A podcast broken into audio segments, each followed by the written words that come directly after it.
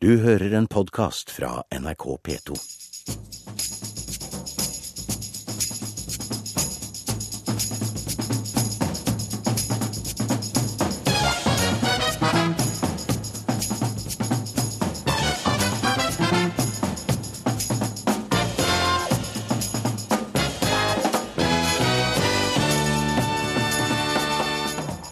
Kronprinsessens åpne brev til Marius blir kalt en kjærlighetserklæring. Men kan en mor gjøre vondt verre ved å blande seg?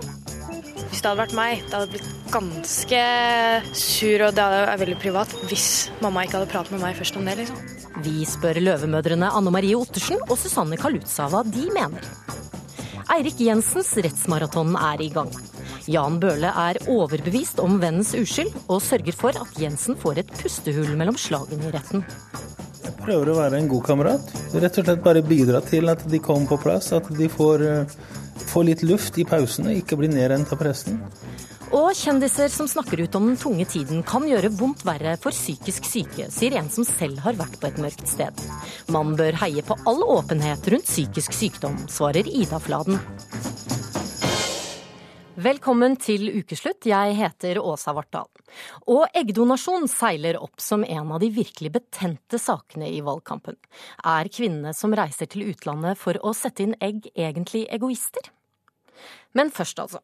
Marius har blitt utsatt for et press fra deler av norsk presse jeg mener ikke er dem verdig, skriver kronprinsesse Mette-Marit i et åpent brev til sin sønn Marius Borg Høiby, som fylte 20 år i går.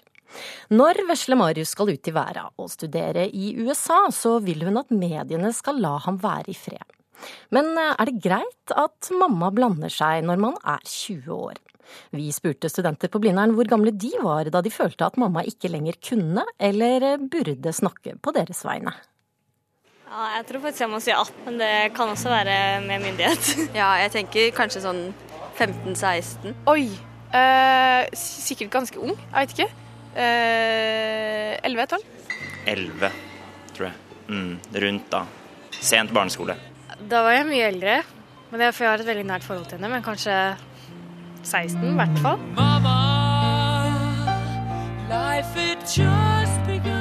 Nå har Mette-Marit sendt et brev til hele den norske presse og bedt eh, vi i pressen ligge unna den 20 år gamle sønnen sin.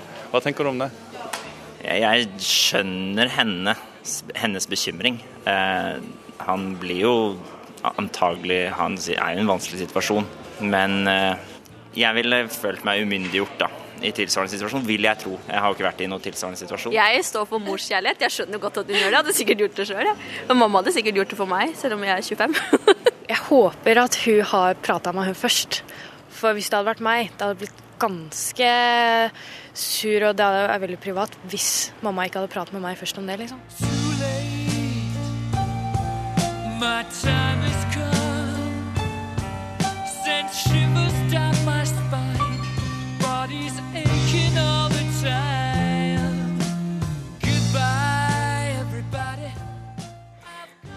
Anne Marie Ottersen, du er skuespiller, og inkludert bonusbarn så er du eh, mor til eh, fem. Forstår du instinktet til eh, kronprinsessen her? Ja, veldig. Sånn løvemamma-instinkt, det har jeg i rikt monn, altså. Så jeg hadde nok gått gjennom ild og vann for mine barn. Selv om det kanskje ikke alltid er like klokt, så hadde jeg nok stått veldig på barrieren for dem, altså. Men- Barrikadene, mener jeg. Ja. Men, men man eh, bør jo kanskje tenke seg om en gang som vanlig mor, og kanskje spesielt når man er kjendismor. Eh, Ville du tenkt deg om en ekstra gang før du gikk ut og gjorde noe sånt? Altså, det er, lett å, det er lett å stå på utsiden og bedømme. Og det er sånn som man tenker da, at hun burde kanskje tatt et skritt tilbake og, og tenkt at er dette så lurt? Virker det? Eh, er- virker det etter sin hensikt, eller virker det mot sin hensikt? Det vet man jo ikke. Men du er altså da kjendismamma. Eh, dine barn har vokst opp med to kjente foreldre, deg og din mann Lasse Lintner. Eh, dere har valgt å stå i, i rampelyset. Det hadde ikke de, eh, på samme måte som eh, Marius Borg Høiby. Hvordan beskytter man barna sine da? Nei, vi har ikke gjort noe spesielt for å beskytte dem. Vi bare spør dem hvis det er noen anledninger eller et eller annet. Har dere lyst til å være med på det? Og hvis de sier nei, så er det greit. Og vi har jo blitt spurt om f.eks. noe bryllup eh, da en av dem giftet seg, om eh, noen kunne ta bilder i bryllupet, og det sa vedkommende nei til, og det har aldri vært noe problem. Det har i grunnen ikke vært noe problem, altså. Susanne Kalutza, du er rådgiver i Trigger og tidligere redaktør i bl.a. foreldre.no og mor til tre barn. Hva sier morsinstinktet ditt her? Eh, nei, jeg også har forståelse for at eh, Mette-Marit uh, går ut på den måten. Eh, jeg har selv valgt å uh, ikke dele noen bilder av barna mine i sosiale medier, ikke trekke dem fram med navn, ikke stille opp med det i pressen, for jeg tenker at barn har rett på privatliv. Men hun er i en litt annen situasjon. Marius Borg Høiby er jo en del av kongefamilien. Hun er definitivt i en annen eh, situasjon. Og hvis man ser på fakta, da, så, så, ser vi jo at eh, på Atex så har jo omtalen av eh, Marius Borg Høiby sunket betraktelig. Altså det var 682 oppslag om han i 2012, og rundt halvparten 331 i fjor. Og blant dem så handler mange om initiativer han har tatt sjøl, som f.eks. at han var med i siste episode av Skam. Og til sammenligning så er det jo skrevet 1381 artikler om, arveprinsessen Ingrid Alexandra. Så det er jo et eh, annet trøkk mot de som har en konstitusjonell rolle, eh, enn det er mot han som eh, er på en måte har ett bein på innsiden og ett bein eh, på utsiden. Men det er klart at det er et poeng i presseetikken at det er større rom for å omtale folk som selv har søkt offentligheten. Og tanken er at man ikke kan få både i pose og sekk. Eh, så hvis man virkelig ikke ønsker offentlighetens lys, så kan det jo være verdt å vurdere å holde en litt lavere profil på sosiale medier, f.eks. Ja, for han har en åpen profil på Instagram. 41 000 følgere. Han har blitt avbildet på rød løper. Han har vært med i Skam. Eh, vi blir jo alle fortalt som foreldre at vi skal si til barna våre hva de skal gjøre på sosiale medier, og følge med. Burde Mette-Marit egentlig ha skrevet et lukket brev til sin egen sønn om hvordan, hva han burde gjøre på sosiale medier? Altså, Hun har garantert hatt mange prater med han om hva han skal gjøre og ikke gjøre på sosiale medier. Altså, I et uh, langt tenåringsliv så vil jeg tro at det er helt uh, uunngåelig. Uh, men akkurat dette her var jo ikke et brev på en måte til han, det var mer et brev til, til norsk presse. Og så kan du si at han er en mann på 20 år. kanskje burde han ha skrevet det brevet selv om, om hvor nær går det han ønsker rekning dekning av privatlivet sitt. Men, men uh, samtidig så er det virkningsfullt at det er hun som uh, skriver det også. Det er jo noe litt selvmotsigende om man skulle skrevet en slags pressemelding om at han ikke ønsket å være i pressen. Så jeg ser at det er hun som tar det ansvaret. Ja. Men, men Ottersen, altså, som kjendis vil man gjerne ha litt sånn i pose og sekk. Altså at man vil ha noe frem i offentligheten, mens noe så vil man ha privat. Hvordan klarer man å styre det? Nei, men det er nok litt riktig, det. Det er jo ikke det at man vil, altså det er nok en del folk Nå er jo, nå er jo jeg en sånn såkalt klassisk skuespiller, egentlig, da, men jeg har jo vært i mange mange, mange sammenhenger. Det er ikke det. Men jeg er, har ikke vært frilans. Jeg har ikke vært avhengig av eh, noen form for presse fordi at jeg har vært ansatt på Nationaltheatret hele mitt liv. Eh, mitt yrkesliv. Og det er annerledes for folk som føler at de må promotere seg, bli kjent for å få jobber, f.eks., eller være noen. Og det er jo, det er jo en kjent sak at uh, mange bruker folk fordi de er kjent, ikke sant? Og, så da skjønner jeg det. Så, så, jeg føler på en måte ikke at jeg har vært i den skvisen. Jeg har eh, svart ja til ting jeg syns har vært ok, og så har jeg sagt nei til ting jeg ikke har syntes har vært eh, ok. Og det, det, det, har vært eh, faktisk ganske greit for mitt vedkommende. Jeg har ikke blitt hevnet på eller noen ting. Men kronprinsessen står jo ikke helt i samme situasjon. Hun har ikke kunnet si nei til de oppslagene hun ikke har ønsket nei, om, om, sønnen. Var det riktig måte å gjøre det på for å, for å stanse pressen? Jeg er usikker på det, men jeg forstår henne. Og det, jeg så, så at det ble, var intervju med mange på gaten i går, og de, de var også Ja. Altså, jeg tror nok den morsfølelsen Og jeg tror nok Det vet jeg jo ikke, men jeg innbiller meg at i og med at han eh, ikke skrev noe brev selv, at han har ja, klaget til sin mor, og hun har tatt ansvar. Det innbiller jeg meg. Kalutza. Eh, altså, jeg leser jo ikke brevet fra kronprinsessen som at hun mener at han skal klippes vekk fra alle bilder eh, når han er i offentligheten og aldri omtales, men at han ikke ønsker oppslag i media om hvem han er kjæreste med. Det har jeg ikke noe problem med å forstå. Altså, det har vært omtalt hans kjærlighetsliv når han var tenåring eh, også.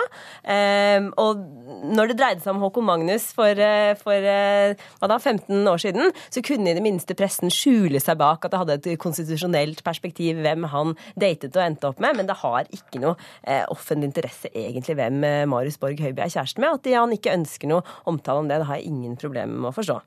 Men nå har det jo blitt veldig mye press på det. Nå har jo, altså nå har jo utenlandsk presse også begynt å skrive om at han skal til California. Eh, det var jo mange som ikke visste det før hun skrev dette brevet. Har hun kanskje oppnådd nøyaktig det motsatte av det hun har ønsket? Jeg sier det som gamle, gamle AKP-ere sa i min tid. En sak har alltid to sider. Ei god og ei dårlig. og det er vel kanskje det perspektivet man ikke helt har sett, da. Forregnet hun seg litt, Kalutze? Eh, nei, jeg tror ikke det. Jeg, tror, jeg, jeg, tenker det er helt fint at de sier ifra. Og så er det jo altså, i et eh, land med en fri presse, så står man eh, fritt til å velge å lytte til det eller ikke.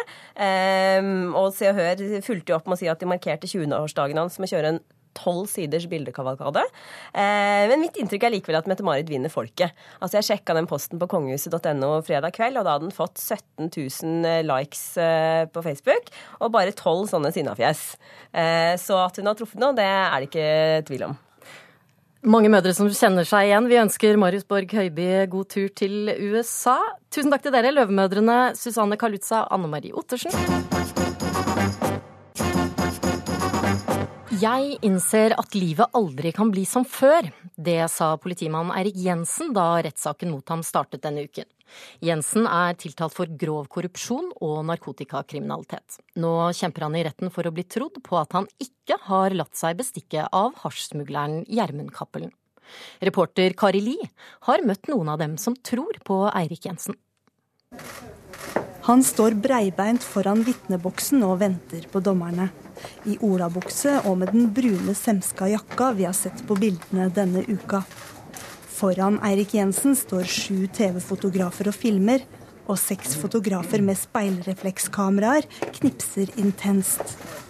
Som om de blå øynene i det litt skeive ansiktet hvert øyeblikk skulle røpe hva som egentlig har skjedd. Jeg tror ikke han, ser fargene på veggen, eller uh, om det er noen pene damer her eller ikke, fordi at dette her han har fokus på saken sin og hva han står i. Mens Eirik Jensen forklarer seg i rettssalen, venter Jan Bøhle i et rom like ved. Rommet har en liten sofa, bord med vannkaraffel på og et vindu som kan åpnes på gløtt. Hit kommer Jensen og samboeren hans i pausene. Jeg prøver å være en god kamerat. Rett og slett bare bidra til at de kommer på plass. At de får, uh, får litt luft i pausene, ikke blir nedrent av pressen. Og, og at de faktisk har det best mulig i denne posisjonen. Så vi møtes om morgenen og går om kvelden. Jan Bøhle er tidligere sosionom og har jobba med ungdom i rusfeltet. Han ble først kjent med Jensen etter å ha lest boka hans. Nå jobber pensjonist Bøhle frivillig for Jensen, og merker dermed den voldsomme interessen for den korrupsjonstiltalte politimannen. Jeg tenker det er terror, psykisk terror. Og, vi må bare akseptere at folk skal ha bilder. Men jeg kan ikke skjønne det å holde på sånn i tre, to og et halvt døgn har jeg holdt på nå. Og avfotografere. Og når vi går ut og skal ut og gå for oss sjøl, så ligger det seks til åtte fotografer med kamera opp i nesa på oss. Samtidig står faktisk folk og roper, altså disse gjengkriminelle som ble tatt her om mandag, står og roper. Jeg mener, det er et enormt press. Eirik Jensen risikerer lang fengselsstraff dersom han blir funnet skyldig. Aktoratet mener Jensen varsla Gjermund Cappelen om når det passa å smugle hasj i fred for politiet, mot at Jensen fikk sin del av fortjenesten. Historien er så oppsiktsvekkende at det er bok og filmer på gang, lenge før vi vet hva Jensen har gjort. Artig når du sier Martinsen. For alle kaller, alle, alle kaller meg for HP. Tidligere torpedo Hans Petter Martinsen ble ofte bryskt tiltalt ved etternavn av politiet på 90-tallet. Da var Martinsen en berykta pengeinnkrever. Jeg havna jo i et kriminelt miljø rundt Tveita-gjengen, og, og, så var jeg jo tor, torpedo. Og jeg jobba jo for utenlandsk mafia etter hvert også, så, så jeg kom jo i kontakt med han da. Mannen Martinsen sikter til, er Eirik Jensen. Politimannen var så forhatt blant kriminelle at noen la en plan om å ramme familien hans. For at sønnen hans skulle kidnappes, og sånt likte ikke jeg. At man gikk på familiemedlemmer og sånne ting. Så, så jeg og en annen kriminell vi fikk i oppdrag å, å, å stoppe dette, og det klarte vi faktisk. For han har jo vært trua på livet hele veien. Martinsen har stor sans for Jensen, og mener politimannen fikk ham bort fra kriminalitet. Hos andre politifolk så ble jeg bare sett på som en sånn, sånn avskum som er, som er, kriminell og satt inn i bås og fengsla og bort med den. liksom. Det, det, men, det, men det, var ikke, det var ikke det hva han gjorde. Han tenker jo at mennesker skal leve videre etter at man har gjort kriminelle ting. Men eh, så er det jo spørsmålet om eh, Eirik Jensen har vært en god politimann her, eller om han har vært eh, korrupt. Hva tenker du om det? Altså, Erik Jensen har jo vært en god politimann hele veien. Han har jo løst saker og avverga ting som ingen andre i politiet har klart tidligere. La oss bare nevne gjengprosjektet og, og, og krigen i MC-miljøet som, som, som, drepte sivile mennesker. Han har jo vært en god politimann uansett. Men eh, hvordan han har rota seg borti det med Cappelen, det er jo en annen sak. Og jeg tror jo om han skulle ha tatt noen feilvurderinger, så har jo Cappelen utnytta det det maksimale. Det er jo sånn, det er sånn jeg ser på denne saken her. Hei. På Midtåsen-hjemmet i Oslo er det sangstund.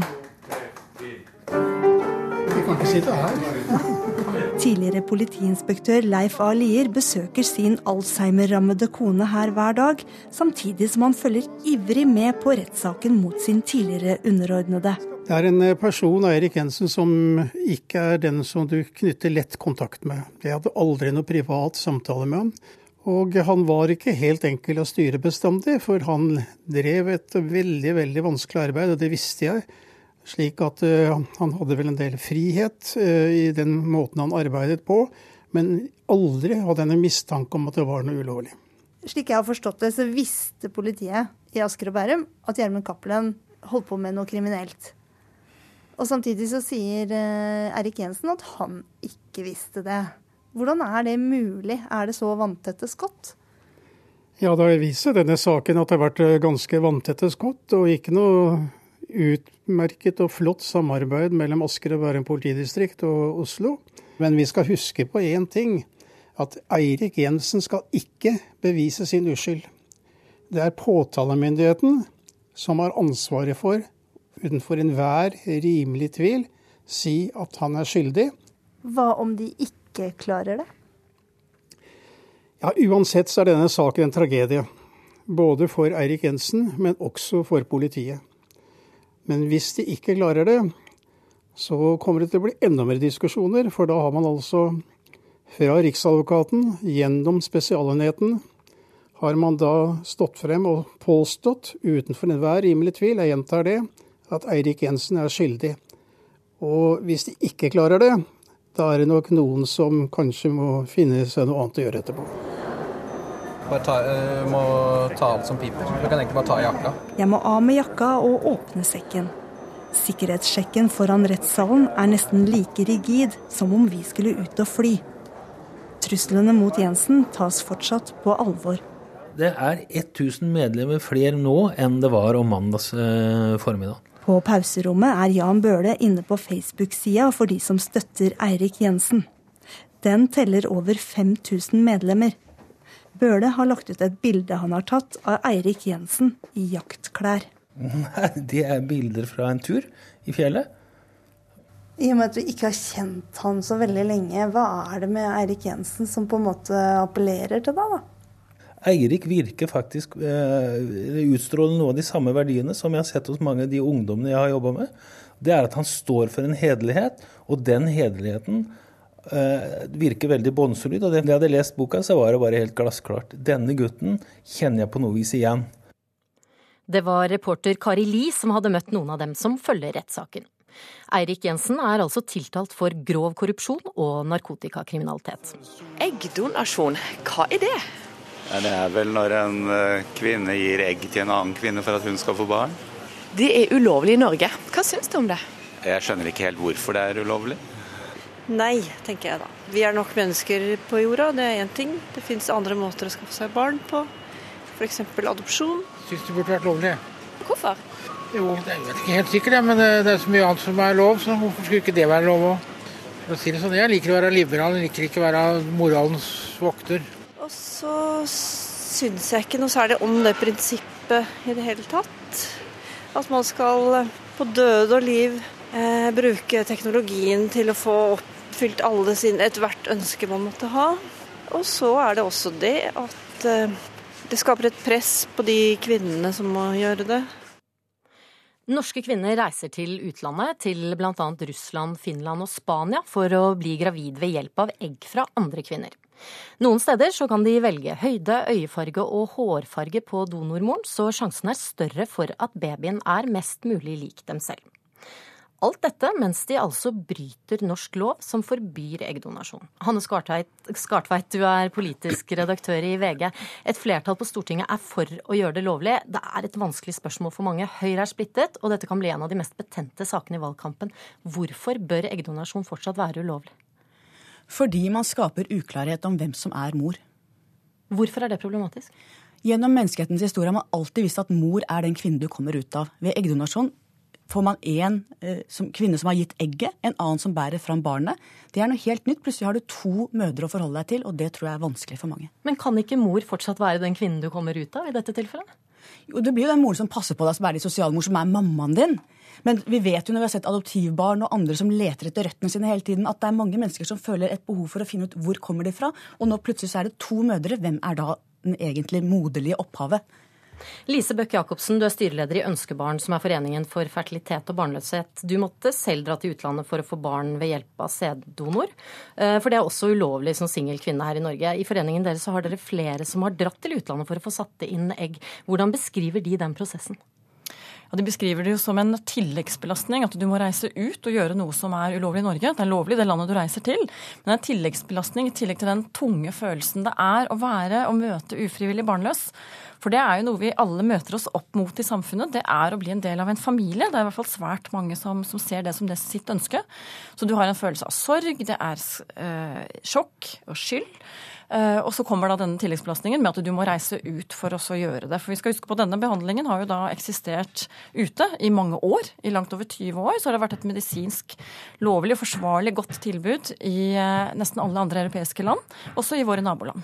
Men Skartveit mener at man bør la være at eh, disse mødrene ved å gjøre dette, så blir det uklarhet om hvem som er mor til det barnet de, de føder.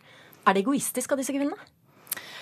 Ja, og jeg er svært usikker på om det er et vektig argument å bruke det at man er mer egoistisk fordi jeg faktisk ikke kan få barn på naturlig måte. Er jeg da mer egoistisk enn andre som, som får det naturlig? Eh, jeg tror man må se at man kan uh, gjøre noe med akkurat den usikkerheten ved å være åpen. Og det er jo noe som også forskningen har vist rundt dette med å være donorbarn. At det å være åpenhet i familien, det er viktig. Så det kan man løse på den måten. Vi kan også løse det i forhold til eggdonasjon i Norge ved at du gjør det til kjent donor. Det vil altså si at man ikke havner i den situasjonen som Skartvedt snakker om, at man ikke kjenner til hvem som er eh, mor. Og så vil jeg også si at er det bare genene alene som definerer hvem som er den gode mor. Men Skartveit, kan det løses på den måten? På samme måte som sæddonor, så kan du jo få vite hvem som, var, eh, som er din genetiske mor når du er 18 år gammel. Den store forskjellen her er at ved sæddonasjon eh, så er det den som har gitt sæden, er faren. Sæden det har du både, både biologisk og genetisk far. Det har alltid vært sånn. Det er far. Mens, eh, og åpenbart skulle man hatt, vil man også da ha anonyme eh, Nei, unnskyld, man ha kjent eggdonor. Så det er ikke det som er problemstillingen her. Problemstillingen er at du ikke vet hvem som er moderlig opphav. Er det hun som ga egget, eller er det hun som hadde livmoren? Samtidig, Men er, er vi sikre på at det er et problem for, for det barnet? Jeg kjenner mange adoptivbarn jeg tror jeg mange gjør, som er veldig opptatt av å bruke mye av livet sitt på å finne tilbake til røttene sine. Det tror jeg at ser den sorgen og de problemene det kan medføre for mange. Hvis du leter etter morsrøttene dine, hvor skal du da lete? Skal du lete etter den biologiske eller den genetiske? Du tuller med et begrep som har ligget gjennom hele menneskehetens historie. Det mener jeg er galt. Ja, jeg tror at du eh, gjennom å se på er det da virkelig bare genene som avgjør den, den gode mor. Altså, dette er eh, kvinner og familier som sterkt ønsker barn. De ønsker å være foreldre, gi det all kjærlighet og omsorg. Det er kjernen i foreldreskapet. Dette får barnet. Og er ikke da det også til barnets beste, så er det en, en etisk avveining. Men jeg tror at det, man må se litt videre. At det er mange ulike familiekonstellasjoner, som du selv sier. Det er også mange adoptivbarn som ikke ønsker å få vite om sitt opphav. Så uh, jeg tror det er flere sider ved, ved, den, ved, den, saken. Jeg tror det som sagt, det er uh, viktig å se for seg at disse barna kan få det veldig godt. Hvem som da akkurat har kommet ut altså Jeg tror man gjør det litt vanskeligere enn det det er ved å problematisere akkurat det med biologisk mor og Eh, genetisk mor. Jeg tror de som også donerer egg, de ønsker jo å gjøre dette fordi de ønsker at andre kvinner skal oppleve det samme som de ofte har opplevd selv. Skartveit gjør det det vanskeligere enn det er. Den Store forskjellen mellom adopsjon og eggdonasjon er at adopsjon skjer av hensyn til barna. Der er det barn som mangler omsorgspersoner, som kobles med voksne som har mye omsorg og kjærlighet å gi. Eggdonasjon skjer av hensyn til de voksne. Og jeg syns det er underlig å høre når man sier at det betyr virkelig genene så mye, samtidig som hele bakgrunnen for eggdonasjon er at man ønsker å få egne barn som man føder selv, og som gjerne har en genetisk tilknytning til far i forholdet. Så man sier både at gener er viktig, og at det ikke er viktig. Det syns jeg er rart. Nei, Det er nok litt ulike vurderinger rundt det. For det er mange kvinner som møter ufrivillig barnløshet som velger å ikke gjennomføre eggdonasjon. Så er det også medisinske årsaker, og det skal vi huske på her. Det ligger medisinske årsaker bak at man søker eggdonasjon. Og mange som selv kunne ha valgt det, de velger å ikke gjøre det fordi de ikke blir eh, genetisk, eh, genetisk mor. Men det, jo, det skal jo ikke brukes mot dem at de faktisk ikke velger å gjøre det. At man da ikke av den grunn skal, skal ikke si ja til behandlingen i Norge. Men hvis det nå åpnes for eggdonasjon i Norge, hvordan bør man behandle det? Åpenbart. Jeg tror jeg alle er enige om at du må være kjent eh, donor. Det tror jeg er eh, ferdigsnakka, for å si det sånn. Um, men jeg syns altså at, eh, at veldig ofte snakker vi om de voksne. Man snakker om ufrivillig barnløse, man snakker om voksne foreldre. De barna mangler en stemme her. Man snakker ikke nok om at barn faktisk da vil være, føle seg rotløse. Ikke alle, men mange vil det. Jf. Tore på sporet av adopsjon, som er noe av det samme, nemlig at mennesker har et dypt behov for å finne sine røtter. Helt men det har man jo også forsket en del på eh, i donorbarn, hvordan de har det. Og den forskning som finnes, finner ingen forskjeller mellom oppvekst i barn av donor, eh, donorbarn og andre barn som vokser opp med kjente foreldre. Takk til dere, kommentator i VG Hanne Skartveit og leder i Ønskebarn Lise Bøck Jacobsen. Her er Zainabo Sey med Poetic.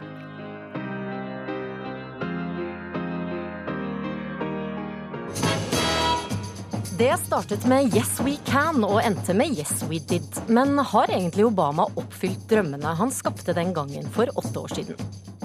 Kjendiser som åpner opp om den vanskelige tiden, kan gjøre vondt verre for dem som sliter, mener Mental Helse Ungdom. Det er ikke Ida Fladen enig i. Folk sto og gråt av glede da han avla eden for åtte år siden. Forventningene var enorme til USAs første svarte president. Denne uken takket han for seg, litt gråere i håret og med noen flere rynker. Yes We Can er blitt til Yes We Did. Her er et lite tilbakeblikk. We're changing things around here a little bit. It was a creed written into the founding documents that declared the destiny of a nation. Yes, we can. Yes, we can. Greetings, massive. Barack Obama, Barack Obama, Barack Obama. When you're running for the presidency, uh, then you've got to expect it. Uh, and, you know, you've just got to kind of let it. You know, you know, what you got to do. Now, Mr. Pre- President, the floor is yours to give your Nobel lecture. Clear eyed, we can understand that there will be war and still strive for peace. And at this moment of challenge, that must be our work, Your Honor. Thank you very much. Barack Obama er et nattemenneske. Han drikker stort sett bare vann, spiser sju salte mandler og sover ofte ikke mer enn fem timer. You've seen the gray hair on my head to show you what it means to fight for change. I don't tell my mother-in-law what to do. Uh, I'm not stupid. That's why I, I got elected president, man. How much a dollar really cost? I want to close my final White House Correspondents' Dinner by just saying thank you. Obama out. Erik Møller Solheim, du er journalist og forfatter, og du har skrevet boken 'En stemme for Obama'. For åtte år siden så gikk du fra dør til dør i USA for å overbevise amerikanske velgere om å stemme på Barack Obama. Så stor tro hadde du på ham. Eh, har han innfridd forventningene du hadde den gangen? Altså klart Når jeg hører den gjennomgangen her med Will I Am, som jeg sto og hørte på i primærvalget i februar, eller eh, hva det var for noe, før Super Tuesday, eh, den den håp, det håpet og det engasjementet som var rundt den kampanjen på liksom høydepunktet. Eh, og sammenligne med hvordan det oppleves i dag, så er det klart at det er jo oppleves som et veldig stort fall. Da. Det er ganske mange skuffelser på veien. Personlig så syns jeg både Obama har gjort veldig mye bra og har vist et initiativ og en, en vilje til, til, å, til, å, stå og ta de kampene som han lovte å ta. Eh, men prosjektet eh, har jo ikke lykkes i den grad vi håpte på. Og det handler jo veldig mye om veldig mange andre faktorer. Men hva er det han har mislyktes med? Nei, altså man kan jo spørre hva i, i, i første omgang hva han gjorde med de to uh, årene han hadde fram til første mellomvalg.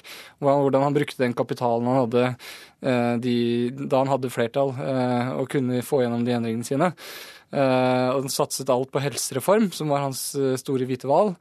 Og så eh, gikk han inn i det med åpne øyne, tror jeg. Jeg tror han bestemte seg for at det skulle han få gjennom uansett, og koste hva det koste ville. Og så ble det en lang og kronglete og omstendig prosess, mye også takket være demokratene. Eh, og så endte da han opp med at han mistet flertall ved første mellomvalg, og derfra så kjenner jo historien. Lisa Cooper, du er leder i Democrats Abroad eh, her i Norge. Eh, Har du kommet deg etter nederlaget i november? Nei, faktisk ikke. Tross at det har gått eh, ganske mange måneder. Men det har vært forferdelig. Det, det tror jeg fleste demokratene, egentlig flest verden rundt, er i sjokk. Men Møller Solheim her, han sier at han, han er ikke skuffet over Obama, men han er skuffet over Obamas prosjekt. Deler du den eh, følelsen? Nei, absolutt ikke. For av, jeg tror at uh, man må huske den setting han gikk inn. Ja.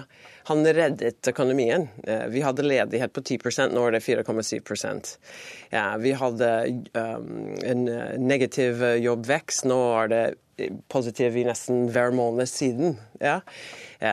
Autoindustrien eh, har blitt, eh, blitt reddet. Helsereform for 32 millioner. Jeg mener det prosjektet har vært vellykket. Han har også satt klima på agenda. Jeg tror det er 2000% økning på solar energy. Der hvor de eneste ting man kan si, og dette sier Obama selv, at han har ikke klart å redde den polarisering i Washington DC. Det er tvert imot blitt enda verre. Og det er, eh, tror jeg, takk til det bevisste og ubevisste rasisme som ikke bare han, men hans familie har blitt utsatt for.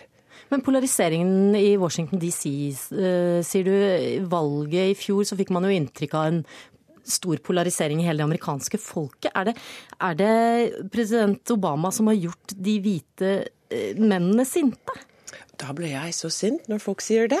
Det kan ikke være hans feil. Eh, Hvorfor ikke? Jeg, jeg, jeg tror, hvorfor er det hans feil at eh, folk er, er sinte? Jeg tror det har vært en økende gap i det, det rike og det fattige. Um, men begynner man å forstå politikken, jo, hvilken redning hadde vi? Vi har en redning som heter å heve minstelønn. Hvem har mått det? Det er republikaner. Ja. Vi har også dessverre hatt en globalisering som har gjort at ganske mange jobbene har blitt borte. Men uten å heve minstelønn, uten å ha flere programmer som kan gjøre litt sånn job retraining, så har det vært en gap. Ja? Men det er ikke Obamas feil. Men um, alle dere som var så optimistiske og så på Obama omtrent som en, en gud, skjønte ikke dere at eh, det var noen som hadde et litt annet syn på han? Altså, min egen politiske forelskelse i Barack Obama bunner jo veldig mye i hans veltalenhet, hans eh, liksom, eh, åpenbare dannelse og hans evne til å liksom, balansere hver eneste sak og se alle nyansene i den. Men jeg tror nok kanskje vi som måtte, er blant hans mest begeistrede tilhengere, da, kanskje har undervurdert hvordan lavere laget i befolkningen eller i arbeiderklassen ser på den, disse kvalitetene, og kanskje ser på det kanskje mer som et snobberi eller en type eh, hva skal jeg si, en sånn eh, en distanserthet, da, eh, enn en kvalitet, en reell kvalitet hos en president. Mm. Fremmedgjorde han en del folk? Ja, på, på en måte så kan jeg være enig, og jeg tror at vi så i hans åtte år hvordan han begynte å snakke litt mer enkelt etter hvert. Eh, Han ble omkalt, omtalt som den professor i starten, at han var litt for smart. Så han prøvde, men jeg er fortsatt, eh, som jeg er enig med deg, jeg er fortsatt ikke helt sikkert at vi at noen hadde egentlig forstått the, the angry white people.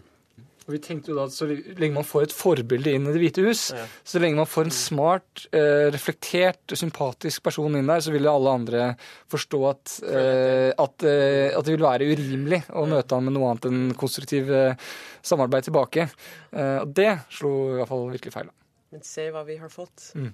Sett i etterpåklokskapens lys, da, hva kunne han gjort for å unngå at det sitter en diametralt motsatt type som han i presidentstolen nå om en uke? Utrolig vanskelig spørsmål. Eh, jeg har ikke noe klart svar på det. rett og slett. Det er republikanere som skulle ha gjort noe for å rydde opp i egen rekker. Jeg mener, De er så splittet uh, i egen parti.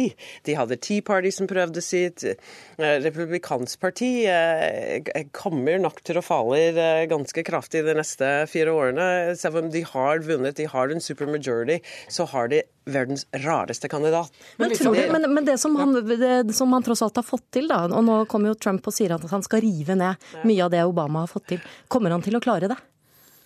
Uh, det, er ikke godt å si. Det skal, skal, bli ganske vanskelig å begynne å ta fra den jevne amerikaner ganske fundamentale rettigheter som, som eh, rett til helse, helsetjenester og, og helseforsikring. Altså det, det, er en del ting her som jeg tror folk har stemt på som de ikke har forstått rekkevidden av. Altså det går sånne det går sånne memer rundt på, på internett med bilder av folk som sånne chatforum og folk uh, tror de har stemt ned Obamacare, men forstår ikke at det er det samme som Affordable Care Act, som, som er det egentlige navnet på, på hans helsereform. Uh, Um, med en gang de begynner å forstå rekkevidden av hva, hva å, å, gå tilbake på Obamacare f.eks. egentlig betyr, da, så tror jeg nok pipa får en annen lyd. Hva tror dere, altså når uh, våre barn og barnebarn uh, skal lære historie, uh, hva tror dere kommer til å stå igjen etter Obama? Det er jo sånn Roosevelt, New Deal, andre verdenskrig, JFK. Cuba-krisen drept i Dallas. Hva står igjen etter Obama? Den første som vant Nobel fredspris fortjent eller ei.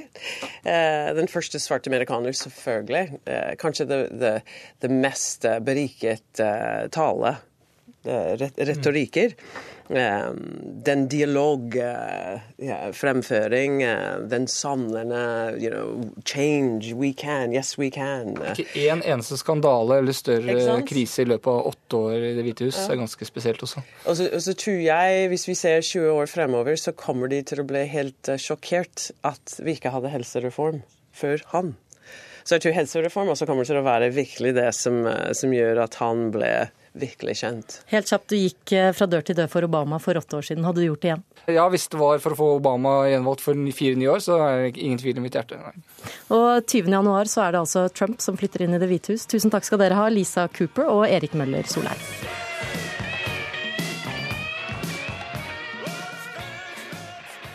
Denne uken var det ett år siden David Bowie døde. Dette var hans Let's Dance. Du, først av alt, hvordan er det å være deprimert? Ehm, jeg tror ikke du kan forklare det uten å Eller altså, jeg tror ikke du innser hvor mørkt og bunnløst det er uten å faktisk ha vært der sjøl. Jeg har jo gått gjennom dette her i det stille. Eh, både utbrenthet og, og angst mange år siden. Jeg ønsker at det sitter en person der hjemme som har det vondt og som ikke tør å snakke om det. Og så kan de lese det innlegget, og så skjønner de at å, shit, jeg er ikke alene. Det å, det å ha brukket beinet, selv om pipene stikker ut, da, da, vet du i hvert fall hva det er. Og du, du på en måte kan forholde deg lettere til det, tror jeg, enn, en den psykiske smerte. Den er, den er, den er vond. Det der ufattelige mørket, der du Det var på en måte ingen håp noen plass. Og det var så rart, plutselig å sitte der og ikke skjønne helt når det skulle bli bedre, og om det kunne bli bedre noen gang. Um, så det var ja, I mangel av et bedre ord så var det rett og slett helt for jævlig. De hylles for å stå fram og mottar åpenhetspriser fordi de bidrar til å fjerne tabuer rundt psykisk sykdom. Når eh, kjendiser som Linnea Myhre, Maria Mena, Fabian Stang og Lene Marlin, som vi hørte her, de tilsynelatende vellykkede menneskene, forteller at de har samme problemer som deg, så er det kanskje lettere å være åpen om egen angst eller depresjon. Eller er det egentlig det? Adrian Lorentzon, du er kommunikasjonssjef i Mental Helse Ungdom. Vi hører Lene Marlin bruke ordet jævlig om sykdommen her. Du har brukt det samme om åpenheten. Hva er det som er så jævlig med den? Ja, Det er ikke åpenheten i seg selv som er så jævlig. Eh, åpenhet i seg selv er bra, og det har jeg prøvd å understreke ganske mye. Og, og hele tiden når jeg snakka om åpenhet. Men hva slags åpenhet er det som er jævlig, da? Eh, åpenheten i seg selv jo, kan jo være litt problematisk når vi har, ser den trenden som vi har sett det siste året, hvor vi har ett oppslag om dagen av kjente mennesker som står fram gjerne artister, og ofte så er det i forbindelse med en eller annen lansering. Eh, og det er ikke det at åpenheten i seg selv er, er så jævlig.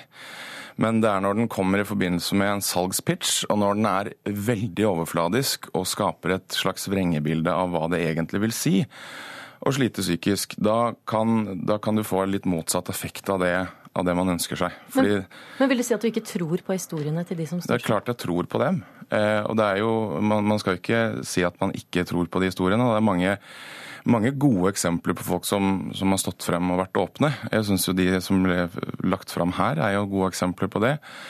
Eh, men jeg er redd for en kultur for åpenhet hvor det bare er greit å snakke om tiden som har vært, og ikke hvordan det er nå. Og når jeg sier det, så, så mener jeg ikke at man skal løpe til nærmeste redaksjon og skrifte om at man har det skikkelig kjipt, men at vi trenger å stimulere til en åpenhet som skjer mellom mennesker her og nå. Fordi man har en tendens til å få et slags glansbilde når man, når man forteller historier om det. Og når jeg brukte begrepet 'den jævla åpenheten', så var det først og fremst et oppgjør med meg selv og min egen åpenhet, fordi jeg hadde vært så veldig snakket snakke så veldig mye om det som hadde vært, og ingenting om det som var nå. Ida Fladen, du er programleder. Denne, uke, så, denne uken så hadde du premiere på din nye serie Happy Go Lucky, der du er åpen om din depresjon. Eh, og serien handler nettopp om psykisk sykdom. Føler du deg truffet av denne kritikken? Ja, på en måte så gjør jeg jo det. Eller jeg regner jo med at den er sikta til bl.a. meg, med tanke på at jeg er en offentlig person som er åpen om eh, angst og depresjon. Men hvorfor har du ønsket å være åpen om det? Eh, jeg er veldig glad i å kunne lage TV som betyr noe, eh, og også som er ekte. Og for meg så var det en, eh, en situasjon som jeg var oppe i da, og jeg hadde veldig lyst til å ta tak i det som, det som skjedde der og da. Og motivasjonen min er jo det å kunne, å kunne hjelpe andre, få andre til å kjenne seg igjen, og være med på det å normalisere psykiske, psykiske lidelser. Men hvilke reaksjoner har du fått? Eh, nei, jeg har jo fått eh, helt overveldende eh, mange positive reaksjoner. Det er overøst med meldinger fra mennesker som, som, takker meg for at jeg står fram med det. De forteller at det får de til å føle seg mer normale. De, de kjenner seg igjen. De skammer seg ikke lenger så mye over sine eh, utfordringer. Eh, og de forteller også at det med at jeg har stått fram og andre har stått fram, gjør det lettere for de å igjen snakke med de rundt seg, altså sine nærmeste, som Lorentzson etterlyser. Så jeg er jo veldig uenig i at uh, åpenhet blant kjendiser er en problematisk trend. Fordi jeg opplever jo nettopp det motsatte, at, uh, at det hjelper veldig mange. Lorentzson? Ja, altså det er jo Jeg kan, jeg kan ikke si at Nå har jeg ikke sett Happy Go Lucky, bare for å ha sagt det. Men eh, på mange måter så Når du forteller om det, så er det jo det jeg etterlyser. ikke sant? Å, å snakke om åssen ting er nå. Eh, men altså, poenget mitt er ikke at det er problematisk at kjendiser står fram. Poenget mitt er at det er problematisk at dekningen av psykisk helsestoff i mediene er så overfladisk og skaper et så rart bilde av hva psykiske lidelser egentlig er, at man, folk som sitter hjemme, ofte eh, ikke kjenner seg igjen i det i det hele tatt. På hvilken du... måte mener du det er overfladisk? Du skriver at det handler om kjendiser som har stått opp som fugl føniks av asken. Er det det at de har kommet seg gjennom det og nå er vellykkende mennesker som er overfladisk? Ja, det, du, du, skaper et slags bilde der du Det er nesten sånn at artister må ha, ha slitt psykisk for å være gode artister. Altså, Du blir ikke god av å være syk, du blir syk av å være syk. Eh, og når man ikke eh, klarer å, dekke psykisk helsestoff på en sånn måte hvor man får frem nyansene og får frem hvor tungt det faktisk er, og det mener jeg flere artister har fått til å få frem, Lene Marlin syns jeg er et kjempegodt eksempel på det, eh, så blir det sånn at man, man skaper et bilde av at dette her er en tross, altså vellykket person på tross av det man har gått gjennom. Og da sitter mange, og det er ofte de tilbakemeldingene jeg får en del av, som ikke kjenner seg inn i det hele tatt. Og veldig mange sitter og tror ikke på at de selv kan komme dit en dag. Fordi når du, er, når du er langt nede, så er det ofte veldig vanskelig å tro på en bedre fremtid. Det er veldig vanskelig å håpe, og det er veldig vanskelig å, å, å kunne se at dette kan bli bedre. Og Derfor så etterlyser jeg, sånn som VG hadde eh, oppslag om her om dagen, hvor de hadde ti nordmenn som snakka ut om hvordan det var å leve med en psykisk lidelse. Det er kjempeviktig. Fladen, burde flere kjendiser heller stå frem mens de er midt oppi det? Det hadde jo vært, uh, vært helt topp, det. Men uh, hvis noen klarer det Jeg personlig klarer ikke det. fordi når jeg er på det mørkeste i mine depresjoner, så, så er det på en måte nok å komme seg til og fra toalettet. Så det å da skulle stå frem og gå offentlig med det da, det blir jo, uh, blir jo veldig umulig. Men jeg syns også det blir eh, veldig vanskelig eh, å skulle bedømme hva slags type åpenhet som er riktig, og hva slags type åpenhet som er feil. Fordi eh, altså, psykiske utfordringer og lidelser de strekker seg over et veldig bredt eh, spekter. Så en historie som er helt urelevant for en, vil jo kanskje være veldig relevant og hjelpsom for en annen. Og det syns jeg ikke vi kan sitte og bedømme, hva som er relevant for, for folk der ute. Men kan det være at man er litt kjapt ute med å kalle noe en psykisk sykdom? Kan dette også handle om bare vanlige oppturer og nedturer i, i en persons liv? Jeg tror absolutt ja, man kan være kjapt ute med det. Eh, og det, det, må vi få en slutt på, fordi det er ikke bra. Men jeg kan jo bare snakke for meg selv, da. Jeg vet at angst og depresjon er riktig definisjon på det jeg har vært igjennom. Og så er det også viktig å huske på at uh, psykiske utfordringer det kan være relativt små ting, og det kan være uh, store og veldig alvorlige ting. Men jeg mener at begge deler er like viktig å snakke om. Lorentzon? Ja, det er definitivt viktig å snakke om, men det, det, altså det, som er litt problematisk med det her, er at måten vi snakker om det, er, tar ofte veldig kort tid. Det er, det er veldig overfladisk dekka. Og mediene har et stort ansvar her, som hele tiden etterspør en eller annen personlig tragedie fra den neste artisten som skal komme inn og snakke om plata si. Det syns ikke jeg er greit. Hvordan kan mediene hjelpe til? da? Eh, de kan hjelpe til med å, med å begynne å fokusere på musikken. Altså, Jeg har jo vært borti artister og musikere som, som har følt seg pressa til å stå fram med en eller annen historie. Og det jeg er opptatt av, er åpenhet, ikke nakenhet.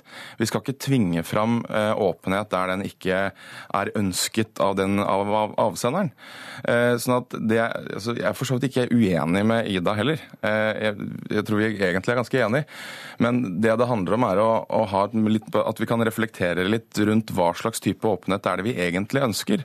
Ønsker vi å skape et bilde av at av at depresjonen er noe som du bare kommer gjennom helt magisk, liksom? Eller det, ønsker vi å nyansere det litt? Grann? Fladen, helt kort til slutt. Kan vi snakke om eh, psykisk sykdom på en litt annen måte enn vi gjør?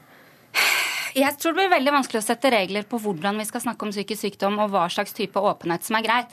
Jeg tenker at vi har to valg. Enten så må vi ønske all åpenhet velkommen, eh, eller så må vi kutte det. Eh, det er et eh, veldig dårlig alternativ, for jeg syns dette er viktig. Og så får man, hvis man ikke kan relatere seg, så får man heller da la være å lese den artikkelen eller se den TV-serien. Ok, Takk til dere, kommunikasjonssjef i Mental Helse Ungdom Adrian Lorentzon og programleder Ida Fladen. Da skal vi snakke om været. Vinterlig er stikkordet, statsmeteorolog Terje Alsvik Valle. Ja, det er det. Det er ikke så mye plussgrader å finne igjen nå i Norge, så minusgradene er i ferd med å prege egentlig det aller meste av Norge. Og Et lavtrykk utenfor Lofoten gir snøbyger og kuling en del steder i Nordland og Midt-Norge nå utover ettermiddagen og kvelden i dag og litt snø beveger seg østover i Finnmark. På vestlandskysten så går det enkelte snøbyger, mens resten av landet har stort sett eh, oppholdsvær. I morgen så blir det en eh, pen vinterdag med sol eh, på Sørlandet, Telemark og Østlandet. Så en riktig fin dag her i morgen. Også Vestlandet sør for Stad og fjellet i Sør-Norge får stort sett pent vær i morgen på søndag, men det kan forekomme enkelte snøbyger i Nordfjord, også lengst til nord i fjelltraktene i Sør-Norge, særlig først på dagen i morgen. I Møre og Trøndelag fortsetter snøbygene i morgen også.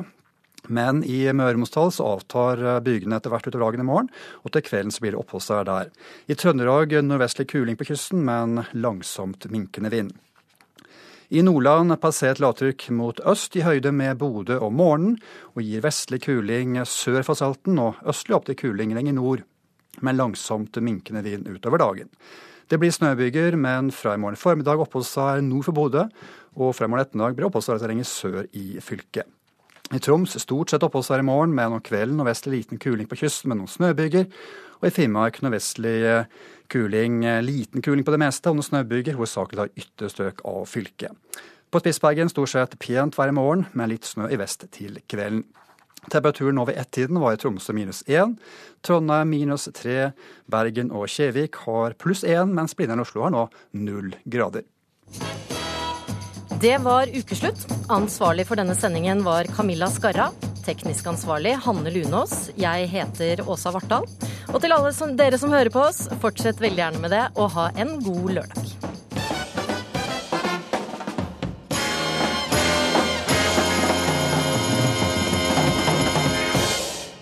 Hør flere podkaster på nrk.no podkast.